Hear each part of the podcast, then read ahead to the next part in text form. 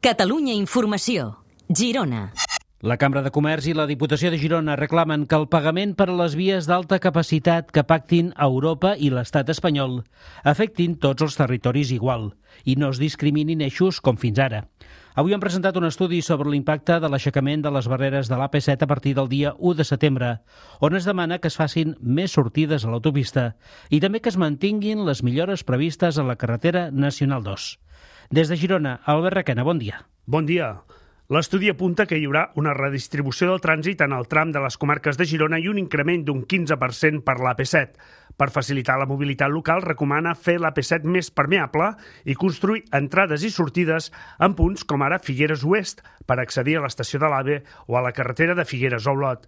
De cara a les negociacions entre Europa i l'estat espanyol per buscar una via de finançament per a les vies d'alta capacitat, Diputació i Cambra de Comerç de Girona deixen clar que cal evitar que les comarques gironines tornin a ser discriminades. Pere Macias, corredactor de l'estudi.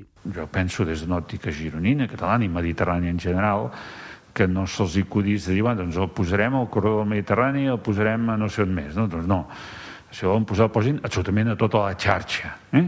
Després ja discutirem si ha de ser tota la xarxa d'autopistes, autopistes més autovies, més nacionals, o si ha de ser un, un, una vinyeta que la pagui tothom, no? El mateix estudi que s'ha presentat aquest migdia reclama també que s'executin els projectes de desdoblament de la N2 en punts com ara la variant de Figueres, per accedir a la Costa Brava, i que s'elimini una via negra pel que fa a accidents.